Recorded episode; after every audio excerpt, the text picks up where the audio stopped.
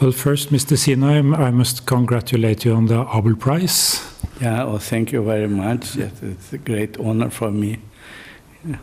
And also, uh, I, want, I, I need, as a layman, to try to understand what you have achieved, which of course is very difficult, but how would you present it in the simplest way?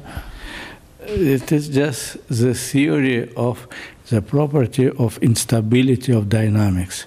Instability means that just small perturbation of initial conditions lead to very just serious consequences after some amount of time.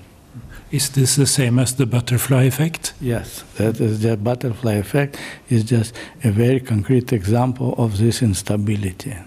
And your research has, in a way, uh, made it possible to get a clearer picture of how this instability works?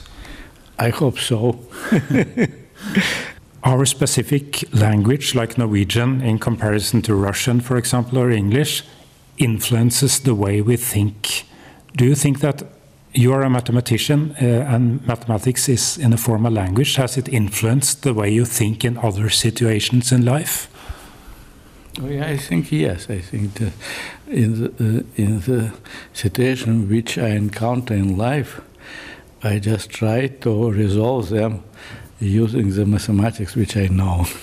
but uh, mathematics is, is sometimes doesn't have any true applications.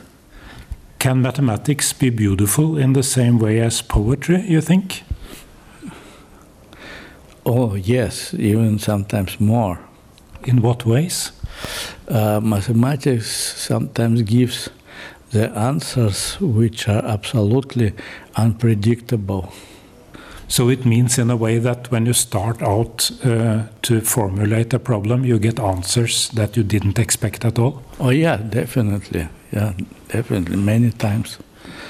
So, in a way, you can say that uh, you, as a mathematician, learn something from the way your models talk to you?